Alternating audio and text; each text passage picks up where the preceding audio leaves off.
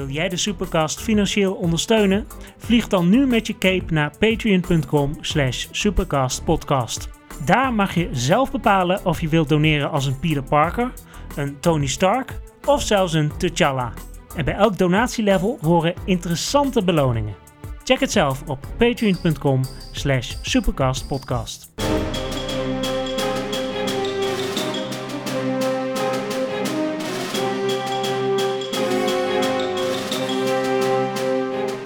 Welkom bij de Supercast fase 2 aflevering 13. Zo langzamerhand werk ik toe naar een einde van deze fase, maar wees gerust, er gaan nog wel wat afleveringen komen. Wel is het interessant in dit stadium om eens te kijken naar het verhaal van Julia en de waarheid. En dan bedoel ik het verhaal van het eerste issue. Wat is een interessant beginpunt? Moet je bijvoorbeeld beginnen bij de origin? Of begin je toch iets later om het wat spannender te maken? Ik praat hier uitgebreid over met Gertjan van Oosten. Je zou hem kunnen kennen als een van de hosts van de Audio Geeks podcast Geekers op je speakers, maar is daarnaast ook actief als schrijver, onder andere ook van comics. En zometeen zullen we ook uitgebreid stilstaan bij de comics die hij zoal geschreven heeft tot nu toe. Eerst nog even het volgende. Dit gesprek is opgenomen via Discord. En de Discord-bot die uh, uh, ons gesprek heeft opgenomen, die had nogal wat issues, viel een paar keer uit en daardoor zijn ook delen van het gesprek weggevallen. Dus ik zal zometeen nog even het een en ander aan elkaar moeten praten. Helaas, het is niet anders. Mijn gast is dus Gertjan van Oosten. Hij vertelt eerst iets over de comicboekuitgeverij die hij samen met een aantal vrienden heeft opgericht. Daarna komt hij ook te spreken over de comics die hij zoal heeft geschreven. Ja, ik heb uh, een aantal jaren geleden, ik zag laatst op, uh, op Facebook kwam er wat voorbij, ik denk dat het nu zeven jaar geleden is, met een, uh, een, een, drietal vrienden een rijtje op te zetten, een comic-uitgeverijtje. Even, maar ehm, het verhaal is afgeschreven, maar nog niet afgetekend en ik weet ook niet of dat ooit gaat lukken. Um, strip Ace hebben we uh, drie delen van uitgegeven. En de strip Sanquin hebben we ook drie delen van uh, uitgegeven.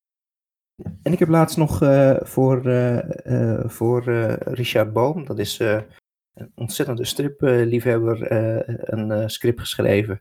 En dat is in zijn Sisterhood comic uitgekomen.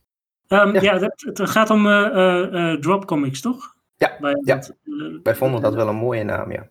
Ja, maar uh, is er een reden dat het nooit, uh, dat het ene verhaal nooit van de grond gekomen is? de reden is eigenlijk, wij zijn heel fanatiek begonnen en het, het, sloeg ook wel redelijk aan. Underground, we zijn op beurzen geweest, hebben we kunnen verkopen. Maar het is vrij lastig om. Uh, het kost heel veel tijd, uh, voornamelijk ook voor de tekenaars. En um, nou, die kregen op de duur kinderen en die hadden ook een baan. Ja, en als je dan moet kiezen waar je tijd en energie in steekt, dan is dat, uh, zeker als je kinderen hebt, dan is dat bij het opvoeden van de kinderen. Dan is het ook nog bij je baan. Dus de, het tekenen, dat viel er een beetje ja, bij in. En ik, eh, de, de, Ranjit die roept nog regelmatig van, nou ja, als ik weer tijd heb, dan pak ik het weer op. Maar ik vraag me af in hoeverre dat nog kan, ook omdat de tekenstijl, want ze zijn nog wel allemaal aan het tekenen, dat de tekenstijl van die, van die man is natuurlijk ook doorontwikkeld. Dus als ze nu een deel 4 zouden gaan tekenen, of aftekenen, want ze waren al redelijk onderweg, ja, dan is de tekenstijl natuurlijk ook totaal anders. Je, je hebt dus al wel uh, recent nog uh, iets geschreven voor, voor een comic, maar ja. uh, heb je... Heb je met René Rient, Rienties, die heeft dat zelfs getekend. Een van de, de, de betere striptekenaars in Nederland. Al dus mijn persoonlijke mening. Maar de, hoe zit dat op dit moment? begint het alweer een beetje te, te kriebelen? Of? Oh ja, ik, ik schrijf, nog, ik schrijf nog geregeld. Ehm, uh, ja, het kriebelt altijd. En ik schrijf ook nog. Uh, ik heb denk ik zoveel geschreven dat er. Uh, dat wordt. Nou ja. Stel dat. dat wordt nooit getekend. Zo. En niet dat alles even goed is, maar ik, ik blijf altijd wel aan het schrijven. Ik heb ook nog een column geschreven op Fantasiewereld over de geschiedenis van de strip. En af en toe schrijf ik ook wel eens korte verhalen. en dat Nou, ik, doe daar verder niks mee, maar ik zit altijd wel na te denken van, hm, misschien moet ik daar iets mee. Maar ik ben op zich zo gewend eigenlijk.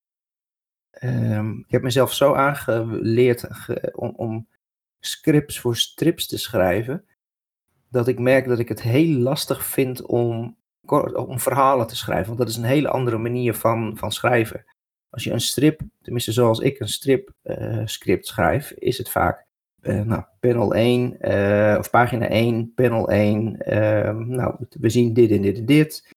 Let op dat die dat he, of dat die een, een twee verschillende schoenen aan heeft. Dat komt op pagina 3 pas wordt het belangrijk, maar het moet wel kloppen met het verhaal. Dus je bent heel erg aan het beschrijven wat daar staat. Ehm, terwijl als jij aan het schrijven bent in een kort verhaal, dan beschrijf je ook, maar dat moet op een hele andere manier. Dat moet niet zo staccato, maar dat moet met mooie zinnen, met mooie woorden. En ja, dat, dat is toch nog wel een kunst, moet ik eerlijk bekennen. Dat uh, herken ik inderdaad wel. Ik heb dat met uh, scenario schrijven. En dan, als ik dan bijvoorbeeld een, inderdaad een verhaal op papier wil zetten, dan moet het opeens ook allemaal van die mooie zinnen hebben. Ja, precies. Dat valt, dat valt, niet mee, inderdaad. Nee, dat is echt een kunst. En, nou ja, dus maar ik, eh, nee, ik, ik, ik, ik schrijf nog wel. En ik vind dat ook hartstikke leuk om te doen. En als ik niet in slaap kan komen, dan uh, probeer ik ook altijd de meest waanzinnige verhalen te verzinnen. En dan uiteindelijk val ik lekker in slaap. Maar um, als het om comics gaat, heb je dan een bepaalde stijl waar je voor gaat? Is, is, er een bepaalde, is er een bepaalde Gert-Jan-stijl van schrijven? Oh, nee, dat, weet, dat zou ik nooit zo. Nee, dat zou dat. Nee, dan zou je echt iemand moeten hebben die uh, succesvolle projecten en veel heeft gedaan, denk ik. Nee, uh, Ace is een, uh, dat was, is een verhaal van een. Ehm, ja, dit is al acht jaar geleden hoor, dat ik dit hiermee begonnen ben. Maar dat was een verhaal van een, een speciale eenheid met mensen met paranormale gaven. Die als een soort nou ja, veiligheidsdienst opereerden om Europa veilig te houden. En ACE was dan het, de, de, club die wij dan volgden, was dan het, het clubje wat het in Nederland moest gaan, gaan doen. San Quinn is eigenlijk een heel ander verhaal. Dat was is een verhaal van een priester die ergens in een, een hele kleine, ergens kleine locatie in, in Portugal zit. Uh, had ooit een fantastische carrière uh, bij het Vaticaan, maar op een of ander moment werd hij door zijn, uh, de, de, de, de man, die, de, zijn mentor, aan de kant geschoven en in het domhoekje gegooid. Helaas viel het gesprek hier even weg. Maar ik heb Gertjan gevraagd om toch nog even uit te leggen waar Sanquin dan over gaat. Sanquin is een uh, verhaal over een priester die van een oude vriend een opdracht krijgt, oude vriend is overleden, om op zoek te gaan naar iets waardevols. En deze hele kwestie, hele kwestie die hij afloopt, uh, komt hij erachter dat hij iets wat magisch is uit de handen van het kwaad moet halen. Maar er is nog iets anders met deze comic. De hoofdrollen in deze strip worden namelijk gespeeld door verstripte versies van de radio-dj's Rob Stenders en Fred Siebelink. En dat bracht Gert-Jan en tekenaar Dimitri ook verschillende malen in de studio's van zowel Kicks Radio als 3FM. Gert-Jan vertelt er meer over. Dus radio-dj eh, Fred Siebelink speelt dan eh, de hoofdrol uh, van de priester en nou, zijn hoofd is dus getekend op, op, op de priester. Maar hoe kwam, hoe kwam Dimitri dan bij, bij uh, hen terecht? Hoe, hoe, uh, hoe is dat ontstaan? Nou, eigenlijk kwam dat omdat ik, ik ben een groot liefhebber van, uh, van Rob Stenders. En ik ging eigenlijk, ik ga altijd eigenlijk mee waar hij is, daar, daar luisterde ik ook radio naar. En hij draaide toen bij Kicks Radio. Dat was, is, was toen zijn eigen station. En toen heb ik geloof ik ooit een berichtje gestuurd. Oh ja, dat was zo. Er werd namelijk um, uh, Fred, er was een itempje dat ze allemaal leuke banen zochten voor Fred, want die moest solliciteren voor een baan. Dus toen had ik voor de gein een berichtje gestuurd van, nou, een leuke klus of een leuke baan voor, uh, voor Fred. Die kan namelijk uh, wel een figurant worden in, in de strip. En nou, dat vonden ze wel grappig. Toen hebben we contact gehad. En eigenlijk, nou ja, van, van figurant werd hij eigenlijk een van de hoofdrolspelers. Dus dat was wel grappig. En toen zijn we nog een keer met z'n allen naar Amsterdam geweest bij Kicks Radio en ook nog een keer in de 3FM-studio toen de, de, toen de volgende delen uitkwamen. Dus dat was echt wel grappig. Oh, dat is tof. Dus ik, ik zou je gehoord kunnen hebben. Ja, als jij, dat was de, de vrijdagavond om 10 uur show dat we bij 3FM waren. En de middagshow op Kicks was altijd tussen 2 en 4. Ja, klopt. Ik, ik ben trouwens ook nog een keer in die Kick-studio uh, uh, langs geweest. Oh, leuk. Wat heb jij daar mogen doen? Sorry? Wat heb jij daar mogen doen? Nou, ik, ik wilde gewoon uh, kijken eigenlijk. Maar dat was niet het beste moment eigenlijk, want Rob die had stemproblemen. Dus die moest, ook, die moest zich ook een beetje afzijdig houden tijdens de uitzending. En hij was ook niet helemaal in zijn hum, zeg maar. Mm dus ja, dat, ik, ik, had hem, ik trof, trof hem niet op zijn beste moment. nee, ja. Ja, ja nou, dat, dat, kan gebeuren, ja. Want je vertelde net al dat eigenlijk op een gegeven moment kregen, um, uh, kregen de andere kinderen en toen... Ja, de, Ranjit, uh, die tekende Ace, die kreeg een, een tweeling en uh, Dimitri, die kreeg ook zijn eerste dochter en inmiddels zijn er nog twee jongens gevolgd. Ja, en uh, het tekenen kost heel veel, heel veel tijd eigenlijk. Uh, als je schrijft, dat kost ook veel tijd. Maar opschrijven, pagina 1, uh, eh, eh, er loopt een man over straat met twee ongelijke voeten, of met twee ongelijke schoenen. Um, dat gaat iets sneller dan ook echt de pagina tekenen en nou ja, dat soort dingen. Dus er zit gewoon heel veel tijd in. En wat wel jammer is, is dat gewoon de verdienste van het maken van strips is gewoon in Nederland niet heel groot. Dus um, er zaten best veel kosten aan uh, naar, de, naar de beurzen. Uh, nou, ik woon in Groningen, de rest ook uh, heel toevallig. En dan, ehm, ja, als je dan naar Utrecht gaat, om weer heen en weer te gaan en de volgende dag weer, dat, ja, dat, dat is twee uurtjes heen en, en weer terug. Dus ja, dan blijf je ook vaak overnachten. We zijn in eh, Gent geweest, maar allemaal prachtig en heel leuk, maar ja, dat kon eigenlijk financieel als je, er, als je er een verdienmodel op wilde zetten, dan, dan ging dat heel lastig. Maar hoe zit dat dan meestal, uh, zeg maar, gewoon puur praktisch? Ja, heb je het verhaal bedenkt? Ja, heb, heb jij bijvoorbeeld een idee en leg je dat voor hen of is het andersom? Ja, ja. Ik, ik, had, ik, had, uh, ik heb de tekenaars opgezocht eigenlijk. Dat is zo is het gegaan. Ik had een idee en nou, ik zag dat en dat, dat vind ik wel een leuk verhaal. Dat zou ik wel willen schrijven en zou jij dat willen tekenen? Dus dat is eigenlijk zoals het gegaan is. Dus ze wisten ongeveer wat voor soort verhaal ze zouden krijgen. Maar ja, de, je, je, gaat dan dus uh, schrijven, neem ik aan, of je hebt het al geschreven? Ja, oh, voordat ik de tekenaars benaderde, had ik wel globaal van nou, dit. En ik heb natuurlijk ook een beginnersfout gemaakt, zoals iedereen. Ik heb natuurlijk ook gelijk een zes, zes delen geschreven. Als je echt een strip wilt maken.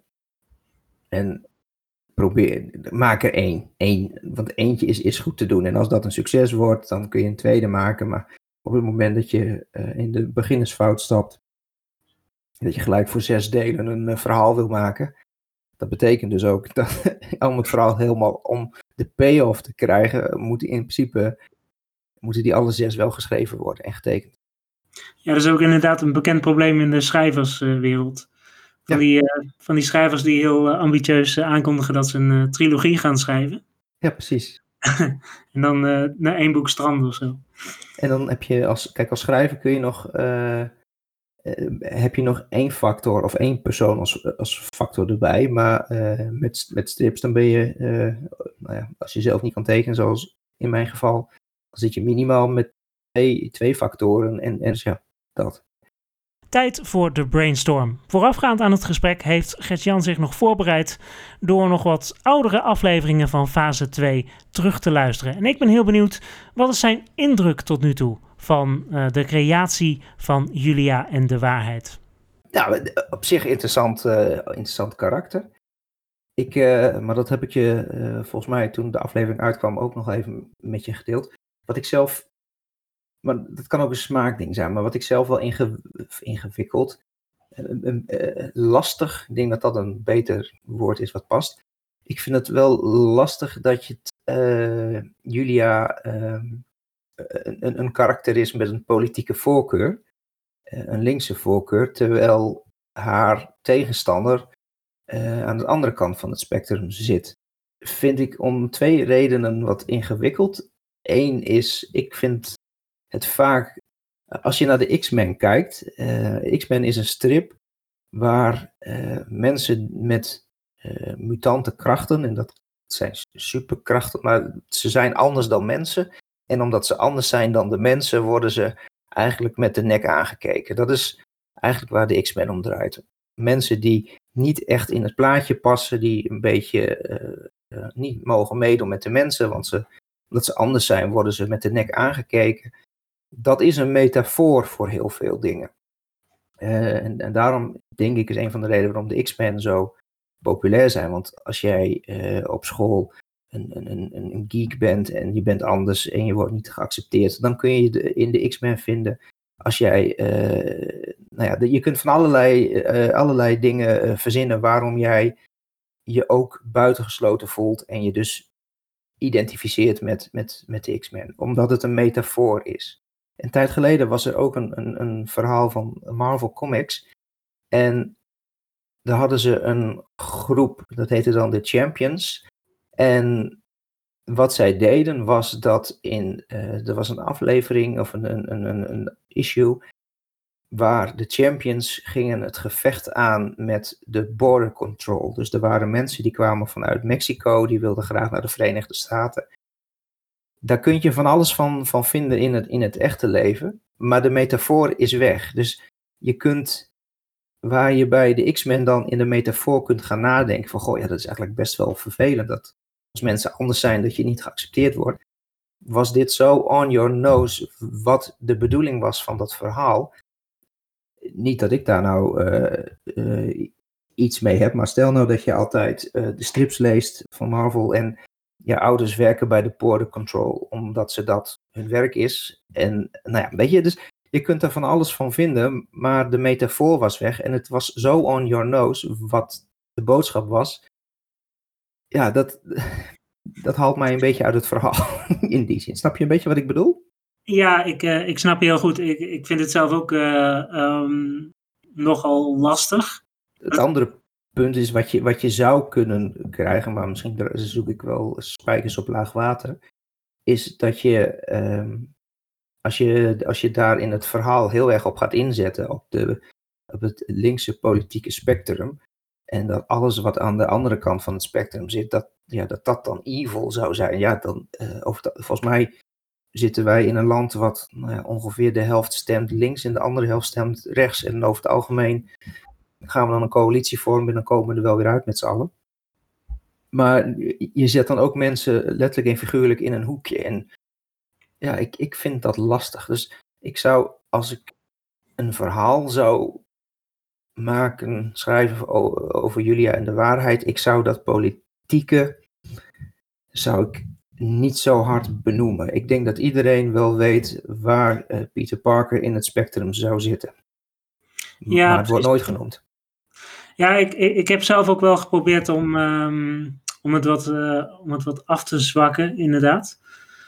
Uh, door de afleveringen heen. Maar het, is, het, is, het, is, het, ligt ook een beetje aan de gast die, die je treft. Sommige gasten die trekken het juist weer, weer heel erg in het politieke.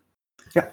En, uh, en het kan ook een keuze zijn. Hè? Je kunt ook een politiek drama van maken. Of een politiek. Uh, maar ik had zelf een beetje de indruk dat, je, dat het idee is dat het wel een, een serieus verhaal moet zijn. Maar een superheldenverhaal is vaak geen debat. nee, politiek, maar een debat maakt een politiek spannend. Ik, ik snap al enigszins waar het vandaan komt, want je hebt natuurlijk tegenwoordig heel veel um, series en films die een beetje van die, uh, sowieso een beetje van die uh, Trumpiaanse uh, villains neerzetten. Ja. Die heel duidelijk een verwijzing zijn naar, naar Trump. Dus ik, ja, snap, ik snap misschien dat, dat mensen dat heel erg in die, in die hoek zoeken, omdat het op dit moment hip is of zo. Nou, het, is, ja, het, het, is in your face, het is er. Maar goed, ik, ik, zou, ik, zou, ik, ik zou dat gedeelte uh, niet te zwaar inzetten als ik een verhaal hierover zou, uh, zou maken.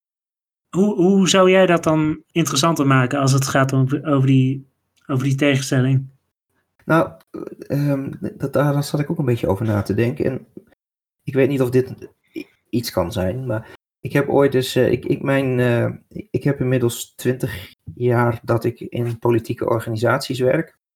En ik heb inmiddels ook wel, mijn ervaring is dat als er een probleem is um, en, en, en een bestuurder zit ervoor, dan zit de bestuurder erin met de insteek, we gaan het probleem oplossen. En een bestuurder zit, ik heb nog geen bestuurder die ik getroffen heb, die erin zat met, ja, ik ben van deze politieke kleur, dus ik ga het probleem met deze politieke kleur op, oplossen. Want uh, flauw gezegd, als ergens een nieuwe uh, uh, brandweerkazerne gebouwd moet worden, dan moet er een locatie gekozen worden, moeten vergunningen geregeld worden. En je kunt met elkaar in gesprek gaan.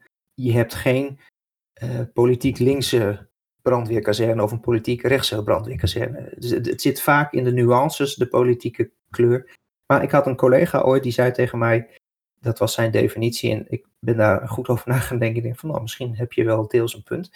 Zijn definitie was mensen die in het linker spectrum uh, stemmen, dat zijn vaak mensen die geloven in de goedheid.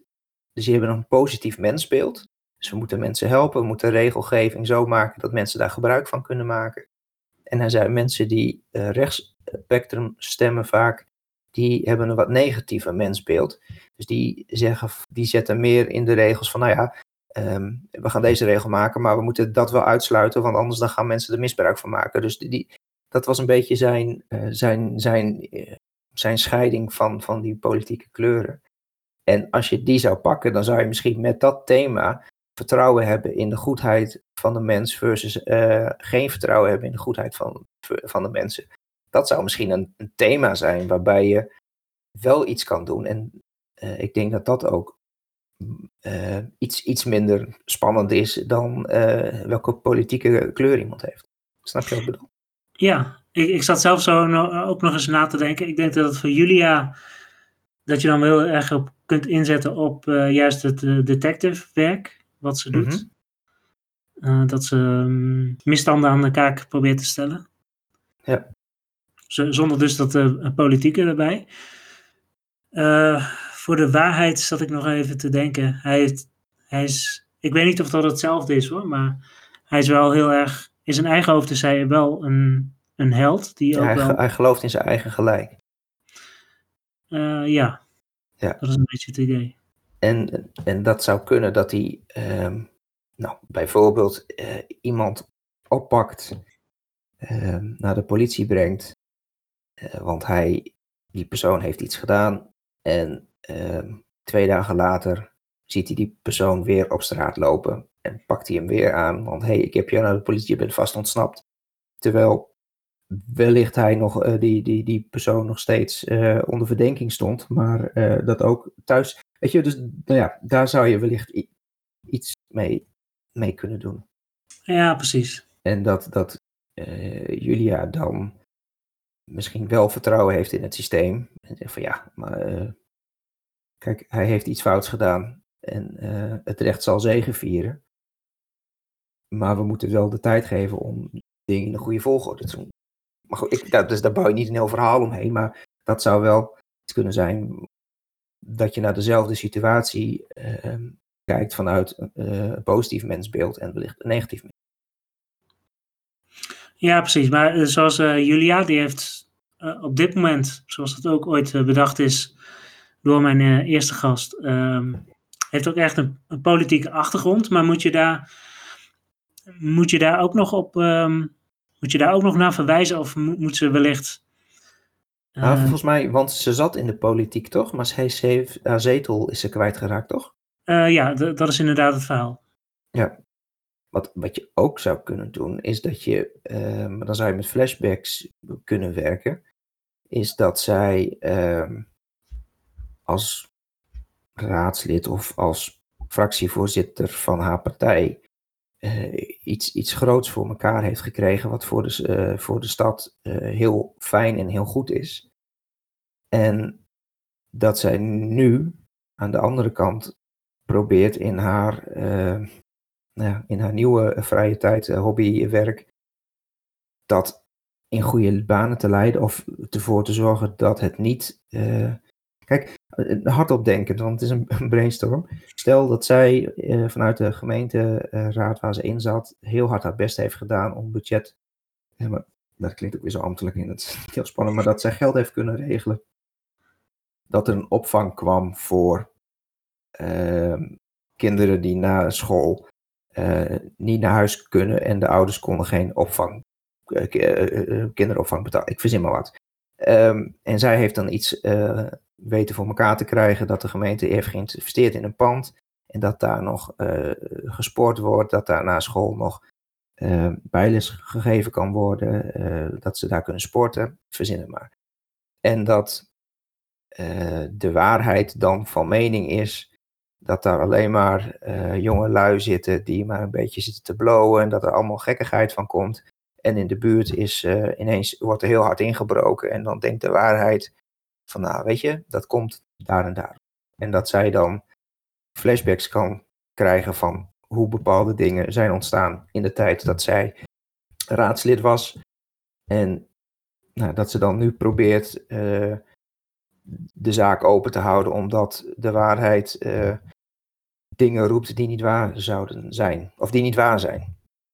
En dat is misschien dan ook wel, want ik denk omdat zij juist een karakter is wat uh, een beetje detective-achtig is, uh, zou je denk ik, als je dit doet, want je moet ook altijd een goed einde hebben voordat je een begin hebt, dat er bijvoorbeeld een, een groot mysterie aan hangt en dan moeten we eerst verzinnen wat het mysterie is. En dan kunnen we terugwerken en dan kunnen we af en toe zaadjes uh, planten in het verhaal. Dus dan, nou ja, wat, wat zou, waar zou je echt van schrikken als, nou ja, eens even nadenken. Er wordt veel, veel gedaan in de buurt.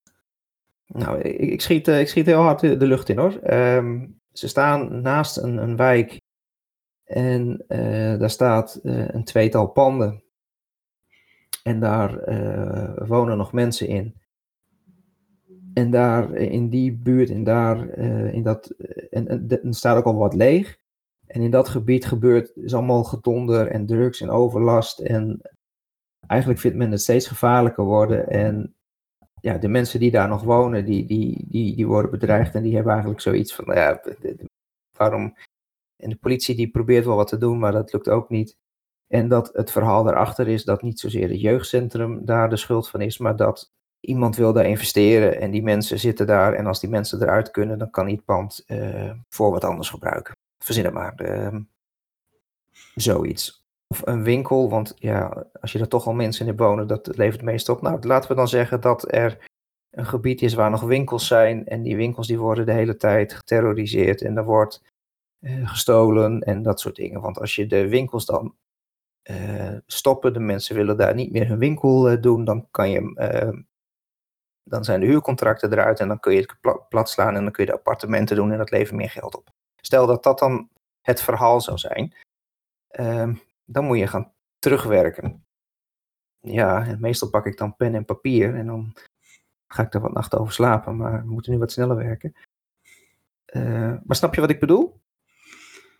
Dus dan is de, wa de waarheid kijkt dan naar de situatie van ja, wacht eens even, sinds dat jeugdcentrum hier is, en ik zie daar wel, uh, wel kinderen uh, de hele tijd komen en gaan. En, en er wordt ook gerookt. Het is allemaal uh, en voordat het, dat centrum hier was, hadden we nog helemaal geen, uh, geen gedoe. Dus 1 en 1 is 2. En uh, nou ja, jongeren die uh, vervelen zich en die gaan toch baldadig zijn. Dus die gaan daar vast. en dan kan het heel goed zijn dat het inderdaad jongeren zijn die daar aan het intimideren zijn en aan het stelen zijn. Maar dat dat niet de groep is die dan bij die school is. Maar dat dus de eigenaar, vastgoedboer, die daar eigenlijk woningen wil. Omdat als hij daar appartementen kan bouwen, uh, vier, meer, vier keer meer rendement heeft dan van de, de winkels die daar dan zijn. Dus die huurt gewoon uh, een stelletje uh, boefjes in en die doen dat. Ah, dat, dan krijg je eigenlijk nog een andere partij, zeg maar. Nou ja, dan, dan wat je dan eigenlijk krijgt is dat omdat de waarheid gelooft in zijn waarheid en hij ziet zichzelf als de held, kan hij niet per se crimineel gedrag vertonen. Snap je? Ehm, dat- of misschien wel crimineel gedrag, maar eh, kijk, als jij gelooft dat jij de held bent en je gaat ergens eh, intimideren, of, of eh, nou, dat zou misschien nog kunnen, maar jij gaat ergens stelen of, of andere vervelende dingen doen, ja, dan moet je wel een heel verwrongen mind hebben. Wil je geloven dat jij nog de held bent in dit verhaal? Ja, het, het, het idee is wel dat hij de. Ja, want hij wil macht hebben, toch, uiteindelijk? Ja, het, het, op de lange termijn uh, waarschijnlijk wel, inderdaad. Uh, maar hij is, uh, hij is wel ook echt een narcist eigenlijk. Mm -hmm. Die ook wel gaat voor, de, uh, voor echte grote, um, grote dingen. Dan is dit te klein. Ja, misschien wel. Ik, ik, um, jij kent. Ja, het is. Um, is een beetje vervelend, want dan, dan trek je het weer in het politieke. Maar uh, jij kent de Homelander wel, toch? Van uh, The Boys? Ja, uh, ja, ja. Ja, ja zo ja. Een beetje, een beetje zo iemand, maar dan zonder superkrachten natuurlijk. En wel met een soort van nuance van dat hij wel, dat hij wel daadwerkelijk uiteindelijk wel, wel goede dingen doet, maar een beetje op een brute manier. Dat is een beetje het idee. Ja, dat snap ik. Nou, mis, misschien moeten we dan, moet je dan uh, wat. Nou, misschien moeten we niet een jeugdcentrum hebben, maar iets, iets anders groots waar Julia aan mee heeft geholpen, waarvan hij nu denkt, ja, dat hebben we helemaal niet nodig, of dat verstoort. Uh, misschien dat je iets kan doen, uh, ik zit even heel hard na te denken hoor, met uh, Overziet hij alles of, of uh, gaat hij in zijn snelheid uh, aan dingen voorbij? Uh, dat zou inderdaad zijn, zijn grote zwakte kunnen zijn. Want wat je misschien zou kunnen doen, is dat, hij een, dat er een groot warmtenet is om de stad mee te verwarmen. Waarbij hij dan wil laten zien hoe goed hij is en dat, dat, dat hij dat allemaal kan realiseren. Maar dat hij dan uh, waarschuwingen van anderen van ja, maar volgens mij gaat dit niet werken. Of volgens mij zit daar een, gevaar aan. Dat hij die in de wind slaat. Van ah, dat valt wel mee en het risico is, uh, is maar 20%. Dus, uh, en dat het dan aan, aan Julia is om dat die er dan achter komt, steeds meer. Hoe gevaarlijk het wel niet is en dat, en dat soort dingen. Dat zou je ook kunnen doen. En wat misschien, maar ik weet niet in hoeverre, want is, wat je ook nog zou kunnen doen, is dat je, uh, want heeft de waarheid, dat heb ik niet helemaal scherp, is, heeft hij een masker, want die, die, die zit veel op social media. Ja. Is het, is het, kan het verhaal ook nog zijn, wie is de waarheid in het echt? Nou, dat, ja, dat is tot nu toe uh, niet echt het geval. Hij is wel narcistisch genoeg om... Uh, zijn eigen gezicht te willen laten zien, zeg maar. Oké. Ja, want je moet, ja, nou ja, goed, want je zou iets kunnen hebben, dus waar je, uh, waar je van twee kanten naar kan kijken of waar hij iets wil en iets te graag wil en, en, en risico's uh, niet om, of ja, de, weg.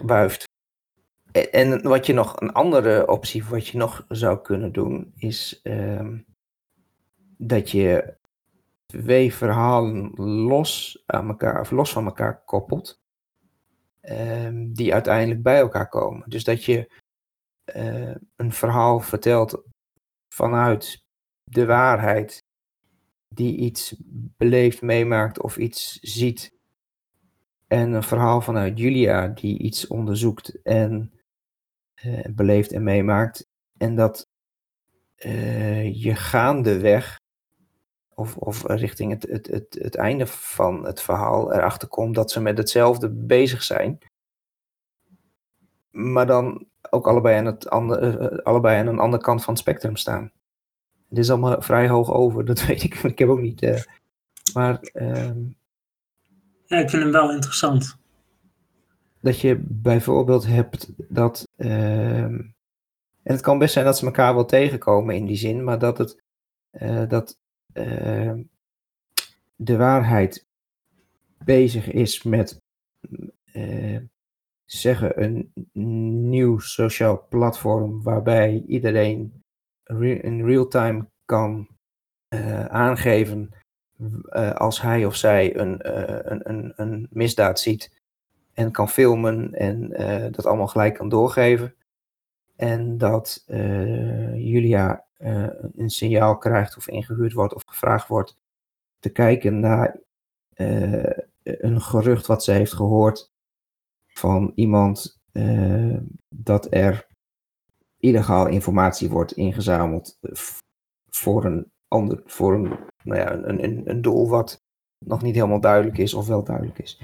Dan zou, wat je dan zou kunnen doen, ik zit hard op te denken hoor, en als je ook ideeën hebt, uh, roep mee, dat je bijvoorbeeld laat zien vanuit de waarheid dat die uh, app inderdaad heel goed werkt. En dat, um, want hij, is, hij heeft ook een soort legertje om zich heen, toch? Van mensen die hem helpen. Uh, ja, inderdaad. Nou ja, dat hij die dus door, door de stad heen uh, banjert. Uh, en, en dat, de, dat dat inderdaad de misdaad ehm, naar beneden gaat. En dat je dan misschien op een punt komt dat iemand zegt van ja, maar die gedraagt zich verdacht. En dat dan op de app gedrukt wordt. En dat de waarheid dan ook al uh, iemand achter iemand aanloopt. Want hij of zij uh, zou wel eens iets verdachts kunnen gaan doen. Dus die, die worden dan in die zin een beetje gestalkt. Uh, zonder dat er echt iets gebeurt. De andere kant van het verhaal zou dan moeten zijn. Denk ik dat ehm, Julia tip krijgt van iemand uit de politiek, want dat is haar oude netwerk. Dan kun je die nog gebruiken. Dat men wat bezorgd is uh, en dat men heeft gehoord dat iemand bezig is met uh, illegale data verzamelen. Verzin het maar en dan, uh, ja, dan zou je wat zaadjes moeten planten her en der die eh, wat verwijzen naar waar dat vandaan kan komen. En dat je er dan achter komt dat de waarheid inderdaad die app wil gebruiken om misdaad te bestrijden, maar dat hij ook die app wil gebruiken om informatie in te winnen, omdat hij ook andere ambities heeft, namelijk uh, meer zeggenschap, meer macht. En als hij eens een keer iets wil en het lukt niet omdat de wet dat niet toestaat, dat hij dan uh, informatie heeft of, of, of beelden uh, waarbij andere mensen chantabel zijn, zodat hij nog steeds denkt van ik doe het goede omdat ik een doel heb en dat is dat. Maar tegelijkertijd overtreedt hij links en rechts uh, eigenlijk de, de, de, de morele regels. En uh, kan hij dat niet meer zien omdat hij zo uh, vastzit, geschroefd in zijn idee dat hij iets moet doen. Dus de, de, dan het verhaal van, uh, de, hoe zeggen ze dat nou? Ehm, de weg naar de hel is betegeld met goede bedoelingen of iets in die, in die zin. Ja, precies ik, ik vind het inderdaad wel een heel goed, uh, uh, wel een heel goed idee eigenlijk. Ik zie, het ook, ik zie het ook wel voor me. Maar ja. even kijken, wat, want hij, hij verzamelt dus data door, door middel van die app eigenlijk. -hmm. En hij verdient er ook nog geld aan, omdat de reclame, omdat die veel gebruikt wordt, succesvol is, reclameinkomsten. Dus hij heeft ook alle belang bij dat die app ook dat zoveel mogelijk mensen dat gebruiken, omdat hij ook A wil die gegevens hebben, maar B is het ook een behoorlijke bron van inkomsten waar hij dus nog meer dingen kan regelen voor wat hij denkt dat goed is. Ja, ik vind het een, uh, vind het een hele sterke. Sowieso ook omdat de waarheid natuurlijk heel online heel, heel erg van zich laat horen. Ja, en militaristisch, ja, dus hij is ook gewend aan plannen. Sorry? Ook militair, dus hij is ook gewend aan plannen en, en nou ja, hoe groter je leger, hoe meer uh, overwicht en je meer dingen je kunt doen. Je zei net al tussen neus en lippen door van um, misschien dat, de, dat, die, dat, dat het als effect heeft dat de criminaliteit inderdaad afneemt. Maar is het dan heel flauw gezegd omdat hij uh, mensen uit de weg ruimt en zo criminaliteit uh, naar beneden Nee, ik, ik, zou, ik zou het juist interessant maken om... Hij heeft een doel wat hij wil, namelijk hij wil uh, orde en hij, nou, uiteindelijk wil hij ook macht, maar hij wil ook de orde. Hij strijdt tegen criminaliteit. Ik, ik, ik vind schurken die ook nog wel, waar je ook nog wel deels in mee kunt gaan waarom ze iets doen, vind ik vaak interessanter dan iemand die alleen maar evil is, als je begrijpt wat ik bedoel. Ja, eens. Ja. Uh, Magneto uh, is tegenwoordig een held, maar was altijd de, de, de tegenstanders van de X-Men. En waar de X-Men vochten voor een wereld waar de mutanten en de mensen samen konden le leven, dat was dus het ideaal van de X-Men, was het ideaal van Magneto, nee, um, ze gaan ons toch nooit accepteren, dus laten we maar gewoon zien wie we zijn en dat we sterker zijn en laat ze maar naar ons pijpen dansen. En in de verhalen kom je er dan achter dat uh, Magneto zo denkt, omdat hij in een uh, natiekamp is, uh, ja, is opgegroeid. En dat hij dus de nazi's van dichtbij heeft meegemaakt en gezien wat de mensen allemaal kunnen doen. En hij denkt van, wij kunnen dat beter als mutanten. Dus als wij de macht pakken, dan gebeurt dat niet meer. Dus ja, niet dat je dan per se voor de schurk bent, maar je, je kunt het gedachtegang beter volgen. En dat maakt het Ehm, dat ze beter blijven hangen, vind ik zelf. Ja, ik, ik vind het zelf ook wel interessant. En ik moet toegeven, voor de waarheid hebben we dat tot nu toe nog niet echt. Ik ben er wel heel erg naar op zoek geweest van wat zou dat nou kunnen zijn? Dat hij wel e-, echt een duidelijk signaal van dat hij het goede wil doen, eigenlijk. Mhm. En als je hem dan ook nog in een verhaal laat zien dat hij ook ooit slachtoffer is geweest van criminaliteit. En dat daarom zo gedreven is, maar die gedrevenheid slaat enorm door. Plus dat hij in zijn eigen gelijk gaat lopen, geloven. Dat vind ik een interessante verhaal. Nou ja, dan een politieke discussie. Uh, met Martijn Lindeboom ooit heb ik het ook met uh, over de waarheid gehad.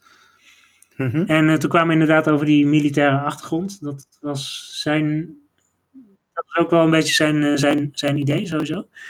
En toen hadden we het ook heel even over dat hij misschien wel een trauma gehad zou kunnen hebben. Nou, ja. Een soort van eh, PTSD. Uh. Ja, nou dat... Zit je wel meer richting Punisher of zo? Ja, nou ja, of, of Batman.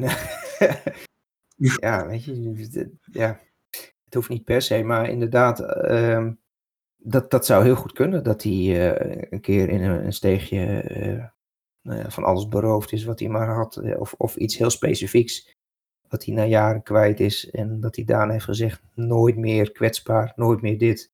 Um, het wordt tijd dat iemand criminaliteit aanpakt. En uh, dan op grote schaal.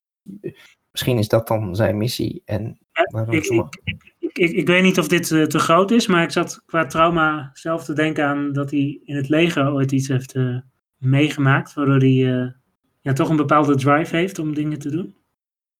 Kan ook. Ja, ik weet niet, het valt mij, nee, ik weet niet of het per se te groot is. Um, het is misschien wel handig dat het, wat het ook is geweest, en het kan ook dat hij toen in het leger zat, maar als het iets met onrecht, dat hem onrecht is aangedaan, dat, dat zou dan wel verklaren die, het fanatisme wat hij dan nu heeft om het onrecht en zijn waarheid uh, naar voren te brengen en het onrecht te bestrijden. En of dat nou is dat hij, uh, toen hij in het leger zat als militair, iets moest bewaken en dat is uh, bestolen, gestolen. En daardoor uh, werd hij met de nek aangekeken en dacht iedereen dat hij het deed. Of verzin maar wat. Ja, dan zou je, of hij is in elkaar geslagen of whatever. Dat, dat zou je prima kunnen doen. En dat hij dan dat militaristische gebruik van ik kan het wel en het is mij ontnomen, eh, mijn carrière is in het leger ontnomen. Uh, maar ik heb het leger niet nodig, ik maak zelf een leger.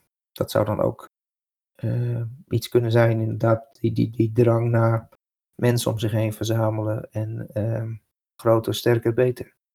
Ja, dat, dat klinkt er goed eigenlijk. En zo, zo kom je dan toch nog op meer, meer achtergrond bij, bij de waarheid. Ja, Um, even kijken, maar als je uitgaat van wat je net zei, dat hij, dat hij zeg maar die data aan het verzamelen is met die, uh, met die app. Mm -hmm. En dat hij zo dus de misdaad probeert te bestrijden. als je dan, als je dan terug gaat denken, heb je dan, heb je dan genoeg handvat om, om zeg maar terug te gaan in het verhaal van Julia en de waarheid? Nou, eh, ik, ik, wat ik altijd heb gedaan, is dat ik een goed einde uh, wil hebben. Dus dan moeten we eerst bepalen wat het einde is. En het einde kan zijn dat. Uh, maar, is dat maar is dat dan uh, het einde van issue 1, zeg maar? Of... Nou, ja, dat, ja, nou, laten we dat dus doen. Dan, dan moeten we het verhaal ook niet te groot maken, want anders dan duurt het heel lang. Maar stel nou dat um, het verschil is dat uh, de waarheid een negatief mensbeeld heeft en Julia een goed mensbeeld kan het misschien zijn dat Julia iets anders zou doen met die data dan de waarheid. Zou het dan een bijzonder einde zijn dat Julia ineens de database heeft en gaat gebruiken voor het goede, maar dan op een andere manier? Zou dat een einde zijn? Dat kan. Het einde kan ook misschien zijn dat Julia iets opblaast dat alle data uh, pleiten is maar dat het zo eruit ziet. Want ik vind het altijd wel mooi als een held ook wat tragisch heeft.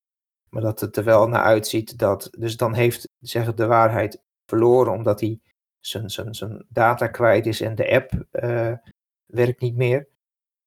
Maar dat hij misschien nog wel gezien wordt als de held die. Hij heeft dan hele foute dingen gedaan, maar hij heeft misschien wel nog iemand voor een pand weggetrokken voordat het echt explodeerde. Zoiets, snap je? Dat, Um, want dan kun je ook een tweede issue doen, waarbij de status quo nog niet helemaal uh, veranderd is.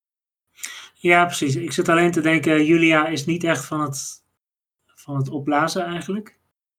Nou, uh, ja, nou, zou dat anders dan zijn? Dat zij de data met de data aan de haal gaat? Nou, ik zat eerst eerder te denken in de richting van hacken of zo, maar dat is qua strip weer niet uh, zo heel interessant. nee, tenzij zij moet ergens naartoe zou moeten om te kunnen hacken. Omdat de PC uh, niet online is, maar standalone. Um, en dat ze dan allemaal foefjes moet uithalen om ergens te, dan heb je een soort heist. uh, nou, dat zou wel kunnen voor een, gewoon voor een eerste. Ja, en dat zou dan, uh, maar dan is het minder mysterie, maar dan is het meer heist.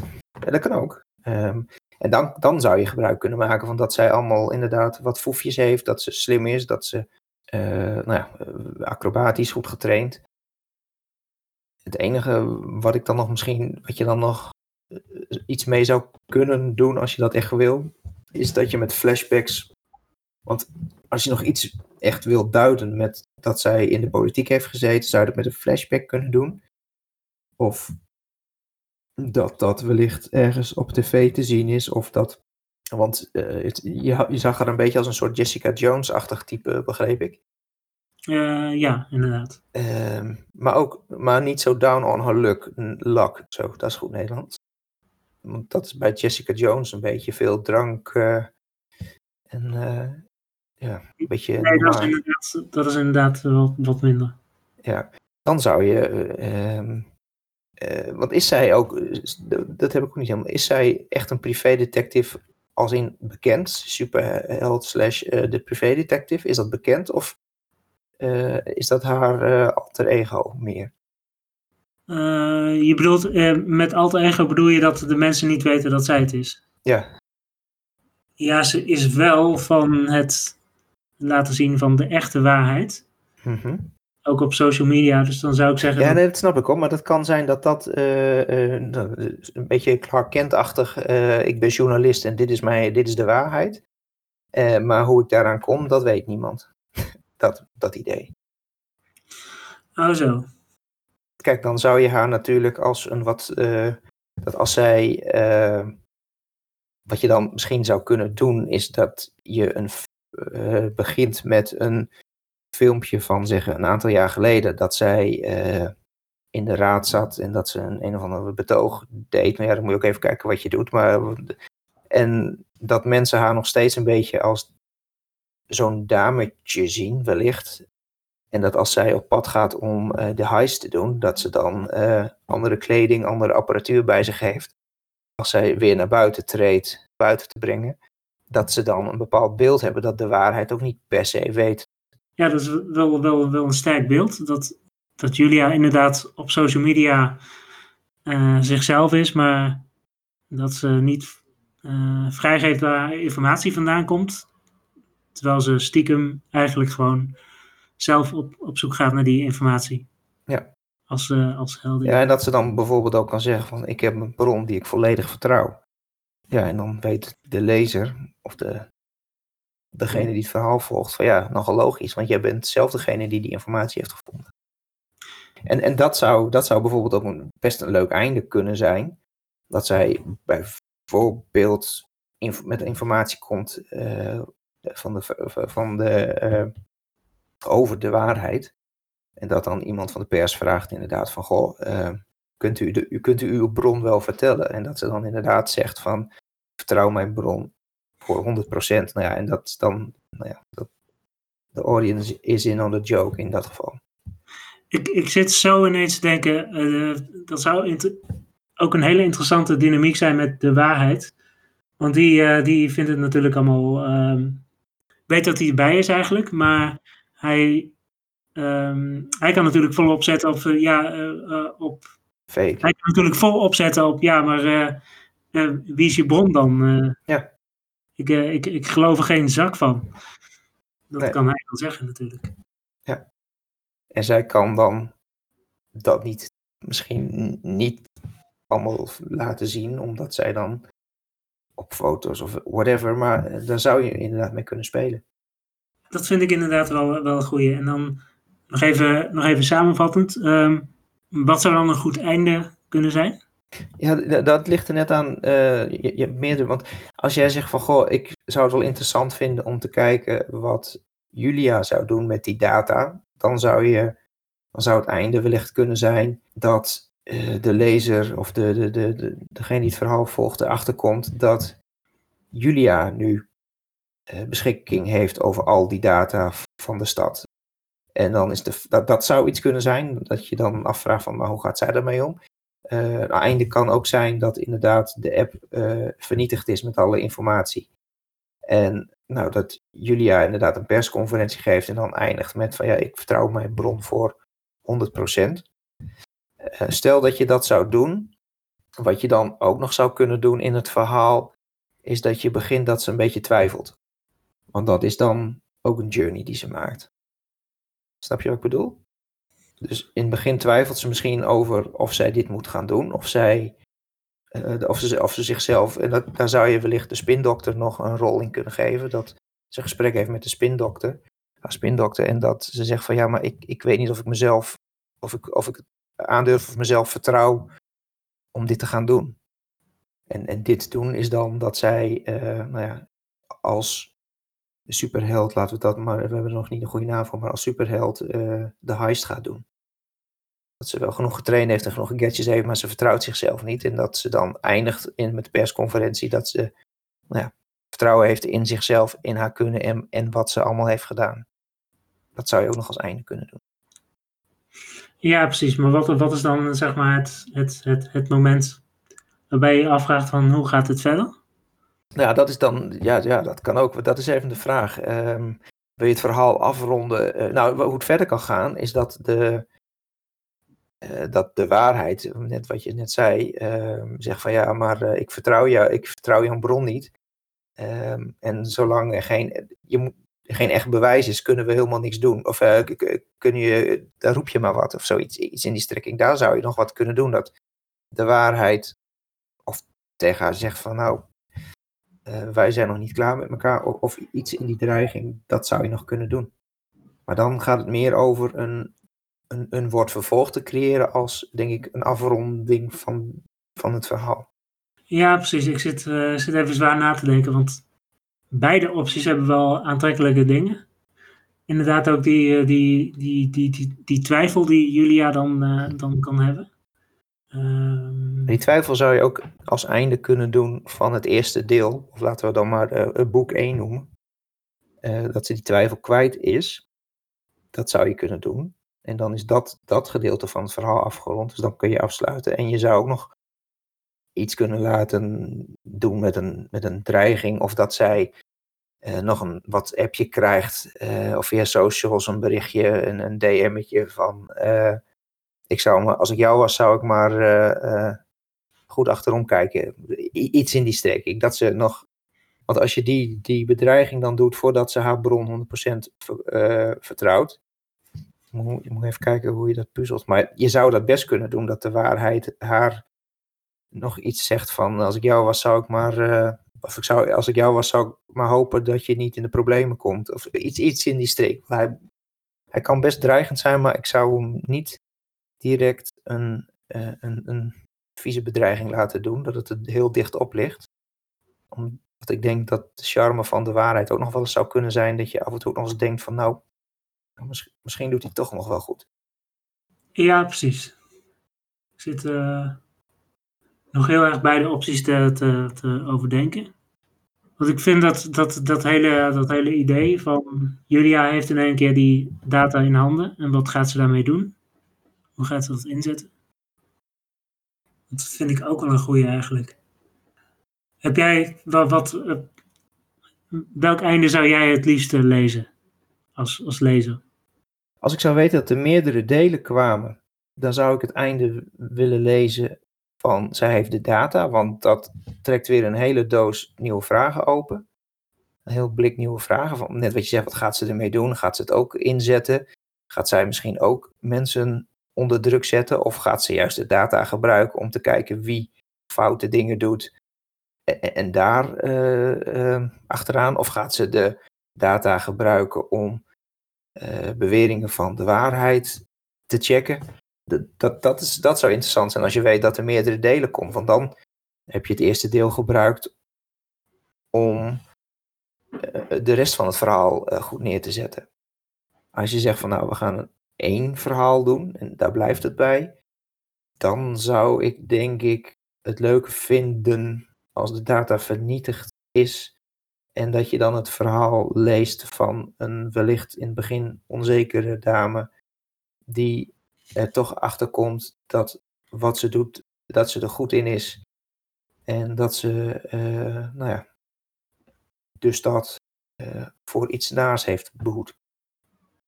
Ja, precies. Nou ja, we hebben, ehm, ik heb met mijn gasten eigenlijk genoeg verhaallijnen bedacht om, om uh, meerdere delen te kunnen. nou, dan gaan we voor het einde dat ze de data in ja, handen heeft. En dat dan de vraag eigenlijk is van, en misschien is dat ook wel een leuke vraag die de spindokter aan haar stelt. Als laatste panel. Uh, of laatste stuk van het verhaal. En haar recht op de mannen vraagt van. En wat ga jij nu met die data doen? En dat we het antwoord nog niet horen. Dat is een interessante. Laten we daar inderdaad uh, vanuit gaan. Um, en wat, wat, is dan de volgende stap als je het zou moeten. Uh, als je naar het volgende deel moet? Nou, nee, als je, als je dit. Uh, laten we. Als je dit hebt, ja, dan. Wat ik dan meestal deed, was dat ik. Uh, als je dan een, een, een comic heeft, vaak 24 pagina's. En ik schreef comics, dus dan ging ik 1, 1 tot en met 24 opschrijven. En dan begon ik met het opening shot. Nou, laat stel dat het opening shot is dat we haar zien dat ze, nou ja, of, of in de krant, dat, dat ze, aan de, dat zou nog kunnen, dat ze in haar kantoor aan de, uh, een, een krantenartikel van zichzelf heeft, lekker narcistisch, waarin ze in de gemeenteraad iets goeds heeft gedaan. En dat is dan waar ze heel trots op is. Of afscheid, dat is misschien minder, dat ze, of whatever. Dat dat dan het begin is en dan eindig je met, um, um, nou wat ga jij dan met de data doen? Dat is dan 24 en dat is 1. En dan moet je dingen gaan, gaan inplakken, inpakken. Dus uh, ergens moet ze de data uit, de, uit, het, uit computer halen, de standalones voor de heist. Maar als ze dat heeft gedaan, dan moet er ook nog iets met de waarheid gebeuren, of een persconferentie of whatever. Dus nou, dan ga je 23 en 22, pagina 23 en 22 zou je dan kunnen inzetten voor de.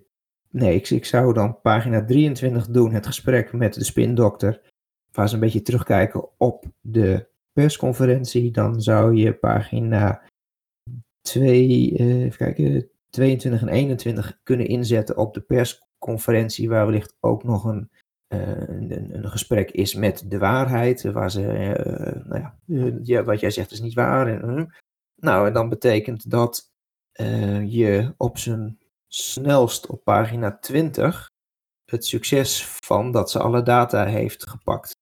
Nou, en zo, ik doe nu een beetje af, maar zo moet je dus een beetje doorpuzzelen, want ze moet ook ergens achterkomen dat, dat, er, eh, dat er iets met die data is. Dus krijgt ze dan een tip, nou dat zou kunnen, de, pagina 2 en 3 wellicht. En, nou en dus zo moet je een beetje die puzzel doen.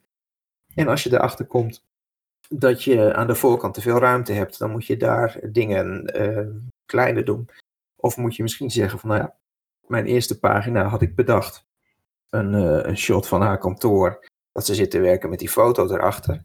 Maar ik moet zoveel dingen vertellen, dat kan ik niet in één. Dus ik heb die pagina ook nog deels nodig. Dus dan ga je zo een beetje de pagina's inrichten. En als je dan 1 tot en met 24 ingericht hebt en je denkt van nou ja, dit, dit loopt aardig. dan is het de truc om uh, ervoor te zorgen dat dat wat jij op die pagina wilt hebben, dat je dat ook in de panels uh, krijgt.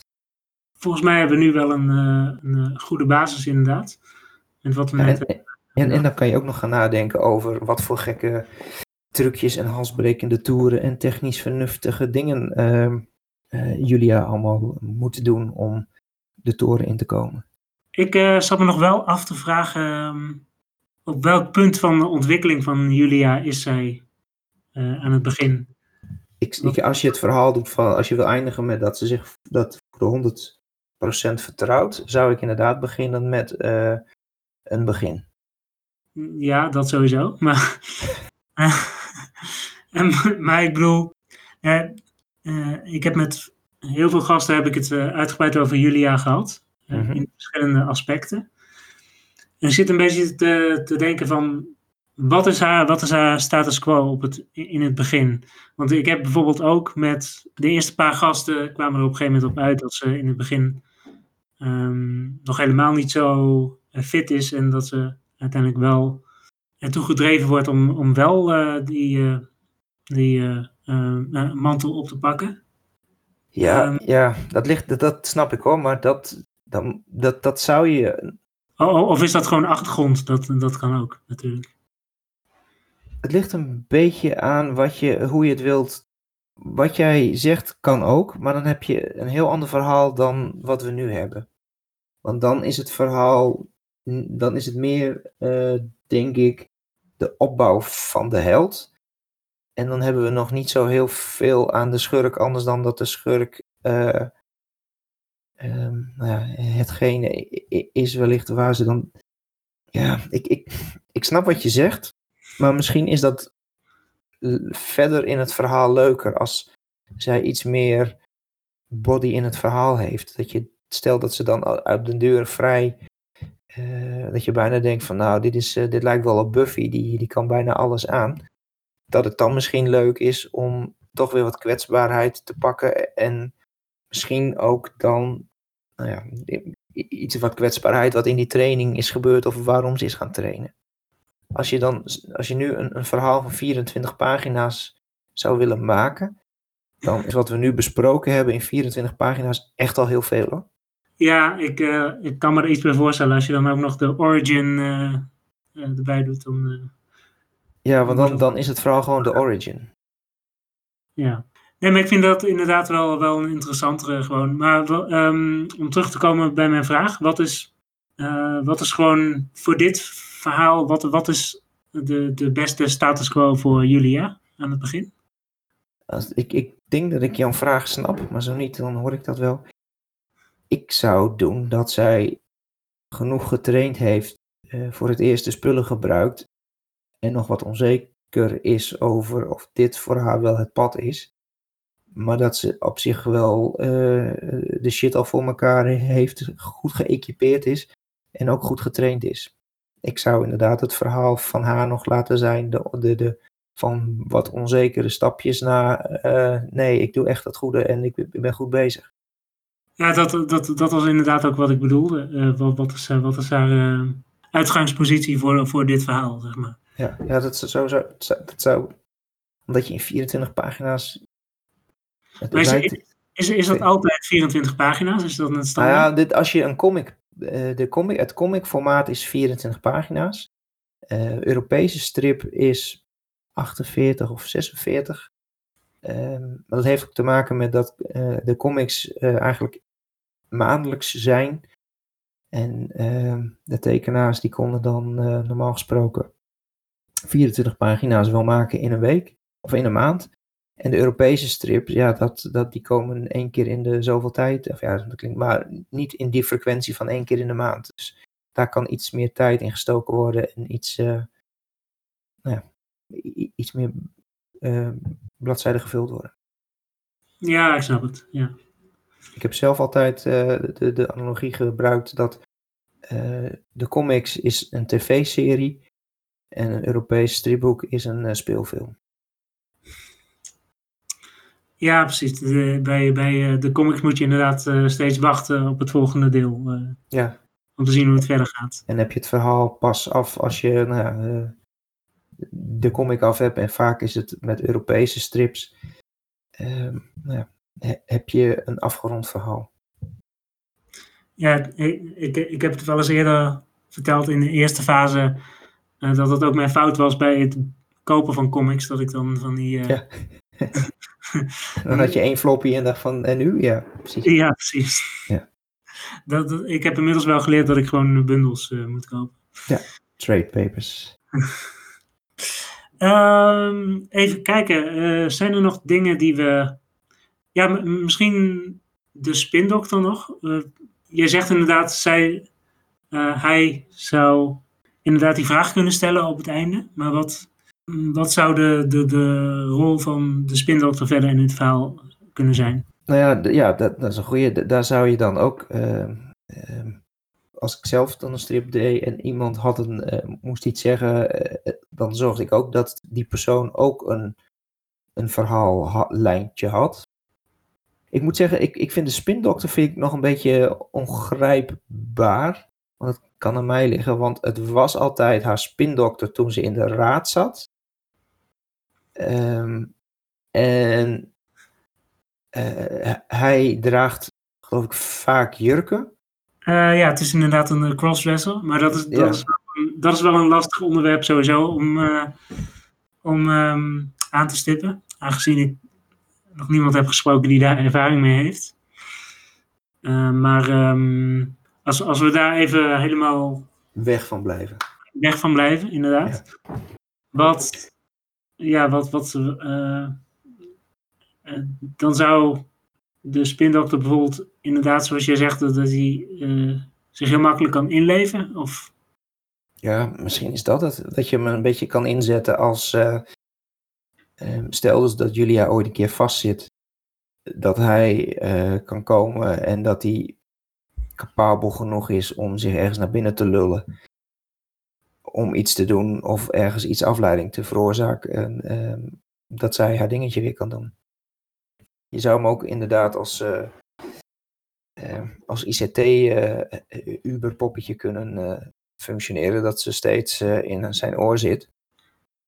En dat als je dat zou doen, dat is misschien ook nog wel handig. Dan kun je nog een beetje communiceren. Want stel dus dat zij een heist zou doen, eh, dan hoeft ze niet zoveel te zeggen. Dus dat is, als je het leest, dan lees je het heel snel doorheen, bij wijze van spreken, omdat er geen tekst is. En stel dat hij in haar oor zit, dan kan hij wellicht nog zeggen, eh, dan heb je dan nog tekst bij bepaalde dingen van, eh, nou, eh, de lezer komt over 4,2 seconden weer en dan moet je naar links en, dan, dus net zoals, weet je, da- da- daar zou je nog wat tekst aan kunnen, in het kader kwijt kunnen.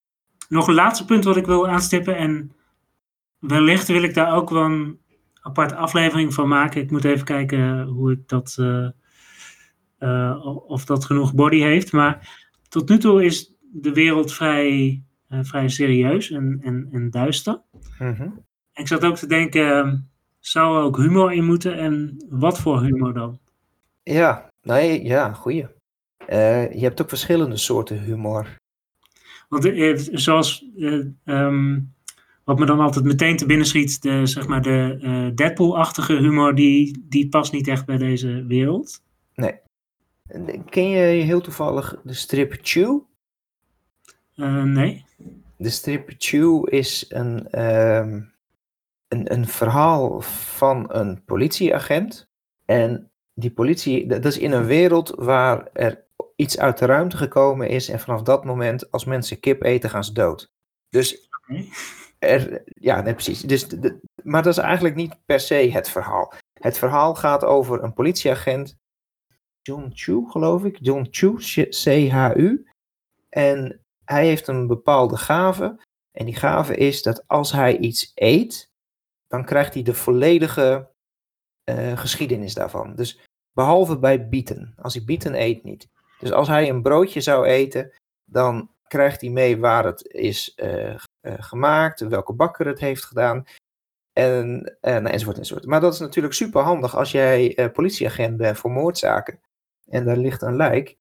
Ehm, als je er een hap van neemt, dan weet je nou, wie het laatste momenten bij hem waren.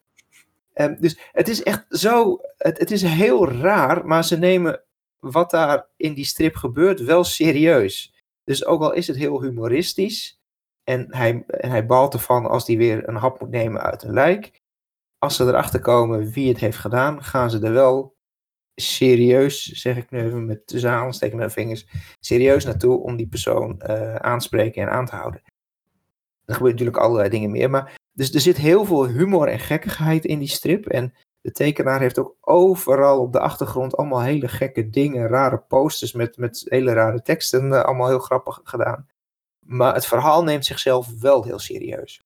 Klinkt uh, nu al goed eigenlijk. Ja, het is ook, uh, als je dat, de serie is ook afgerond, dus uh, het heeft een kop en een staart.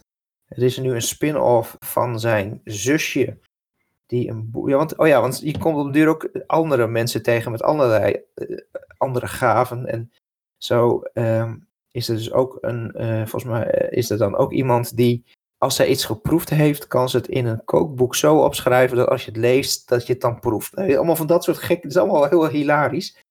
Uh, maar als, je de, als de wereld zichzelf maar serieus neemt, dan zou, dat, zou je dat best kunnen doen.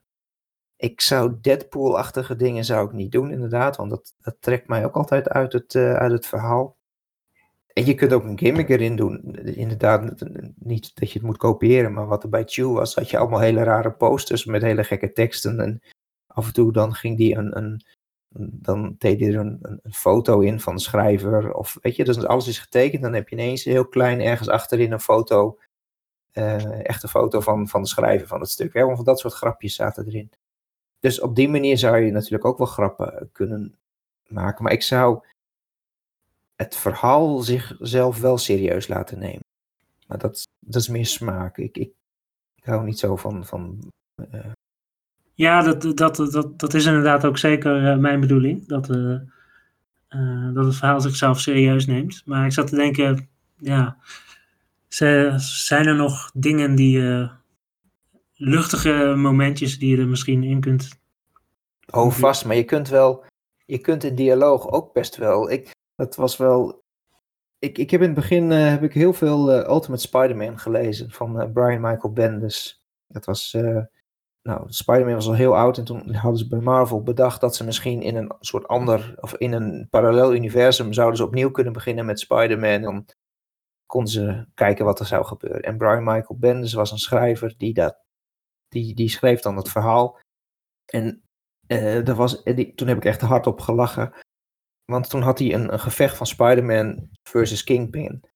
En uh, nou, Kingpin, die was, uh, Kingpin is een, grote maffiabaas, heel sterk. En uh, Spider-Man die stond daar. En toen ging Spider-Man, terwijl Kingpin de hele tijd boos op hem afkwam en die probeerde hem in elkaar te slaan, had Spider-Man allemaal briefjes uh, over, over Kingpin met allemaal grappen erop. Vind je dit leuk? En het was zo hilarisch, ook zoals het getekend werd. Dat uh, terwijl Kingpin echt zijn best deed om Spider-Man een pak rammel te geven, was Spider-Man, die had allemaal, allemaal briefjes uh, met allemaal grappen die hij aan het uitproberen was om te kijken of de Kingpin uh, voor, voor, voor lul kon zetten. Ja, dat, dat soort dingen zou je ook kunnen doen. ja, nou dat. Of dat je de, de spindokter de hele tijd grappen laat maken. Dat, dat, zo zou je dat ook kunnen doen. Daar zat ik inderdaad ook aan te denken, dat de spindokter ook een soort van comic relief wordt. Ja, en dan, en dan kun je kiezen of dat die comic relief is in de zin van dat hij struikelt en dan valt hij op zijn neus, haha grappig. of dat hij eh, eh, inderdaad heel gevat is en de hele tijd grappen maakt. Ja, dan zou ik inderdaad voor het laatste gaan. Ja, dat zou ik zelf ook doen. Ja. Of dat je dan bijvoorbeeld eh, een, een, de waarheid heel boos iets in de tv ziet briezen. En dat, dan is, dat is dan het laatste plaatje van een bladzijde. En dan heb je dan de volgende bladzijde. En dan zie je bij wijze van spreken datzelfde kader weer. Alleen hangt hij nu naast de pc van de spindokter en heeft hij een snor erop getekend of eh, eh, wimpers erbij gemaakt of eh, een tekst erbij gezet. Weet je, dat, dat soort grappen kun je best doen. Ja. En dan hoef je er ook verder geen tekst aan, aan te wijden. Wellicht, omdat het gewoon een visuele grap is. Maar dat, ja, dat, daar hou ik altijd wel van. van dat, dat er wat grappen in zitten, ja. Wat, wat- is zelf het soort humor waar je voor gaat in, in comics? Oef, Of, of verschilt dat gewoon heel erg? ja, dat verschilt. Eh, en, en wat is ook humor? Ik heb ook Umbrella Academy eh, gelezen. Ik weet niet of je, daar is ook een Netflix-serie van, eh, van gemaakt. Ik ken het. En in de Umbrella Academy s- s- comic strip lopen heel veel chimpansees gewoon rond. Alsof het mensen zijn. Wordt nooit uitgelegd. In de, in, de, in de strip heb je één chimpansee die dan in het huis zit. Maar in de strip heb je constant. En dan zijn ze ergens heen. En dan is, is nou. En dat, dat vind ik op zich wel heel geestig. Het, het, het slaat nergens op. Maar ik kan er wel om lachen. Chew vond ik ook fantastisch. Ja, Deadpool niet. Als het me maar niet uit het verhaal haalt. Deadpool ken ik qua comic niet goed genoeg, denk ik. Ik ken, eh, ik ken vooral films eigenlijk. Ja, nou, het, het, het wil wel eens zijn dat hij eh, eh, ineens naar je begint te praten. Eh, dan ben je de, strip aan het lezen en dan eh, richt hij zich tot, tot, je, tot de lezer. Denk, ja, nou ja, ik, ik lees die strips vaak om voor ontsnapping van enzovoorts. En dan, ja, nou ja, dat. Lore moet kloppen en als het niet klopt, dan haalt het mij uit het verhaal. Dat is een beetje. Heb jij nog dingen die je heel graag wilt weten over Julia en de waarheid? Iets wat we zeker nog moeten aanstippen? Hmm, nou, volgens mij niet. Ik ben wel benieuwd wat je hier nou mee gaat doen. En ik wil ook wel eens kijken of me dat lukt hoor, maar ik weet niet hoe ik met tijd zit. Ehm, of ik eh, pagina 1 tot en met 24 eh, in kan vullen. Ja, dat is een leuk idee, maar ik wil me natuurlijk niet, eh, niet, niet Nee, snap, ik, ik bied het ook aan met de disclaimer, want ik heb net een nieuwe baan. Dat ik er best even na, na wil kijken. Ehm, en dan wil ik het ook wel even met je doornemen, want soms kan het... Kijk, als ik dan bijvoorbeeld zeg, inderdaad, pagina 1... ehm, nou, we zien haar kantoor met eh, een foto van dat ze raadslid was. Ehm, en een pagina 2, en dat je dan denkt van, oh, maar wat, wat bedoel je nou? En gaat het niet snel? Dat wil ik best even dan met je doornemen. Maar ik wil wel eens kijken hoe ver ik kom. Dankjewel, Gert-Jan. Tot zover deze aflevering van de Supercast. Wil je reageren op deze aflevering of de podcast in het algemeen? Dan kun je dat doen via de mail supercastpodcast.gmail.com of laat een reactie achter op Facebook of audiogeeks.nl. En als je toch op de site van Audiogeeks bent, check dan ook even de andere geek podcasts die daar te vinden zijn. Zoals de nieuwe Young Adult boeken podcast Hold My Book. Ik ben binnenkort weer bij je terug met een aflevering die weer los staat van fase 2. En in die aflevering praat ik met comedian Risa Tisserand over zijn liefde voor Spider-Man en de combinatie humor en superhelden. Ik zou zeggen tot de volgende keer.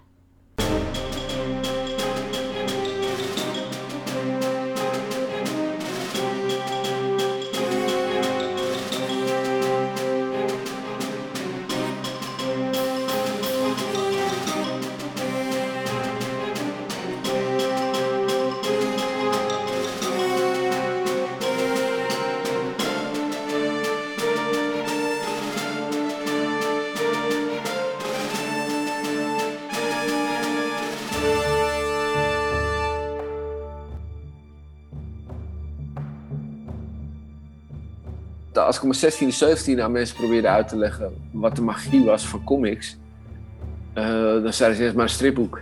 En als ik dat op mijn 25e deed, dan zeiden ze ja, dat is voor kinderen. Terwijl nu snapt iedereen het.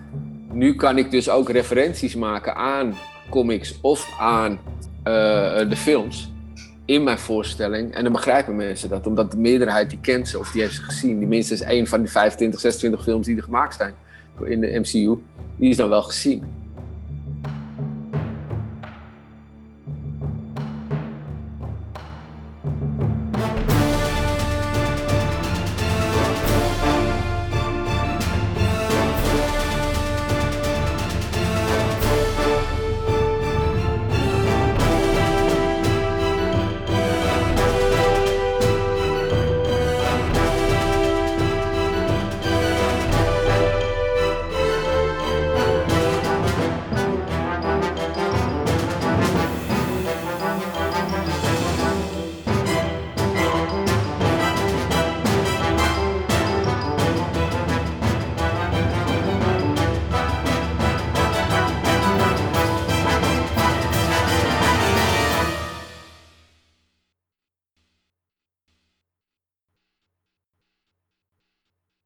Nee, mijn zoon die komt, die komt van boven naar beneden. Wat ga je hier doen dan?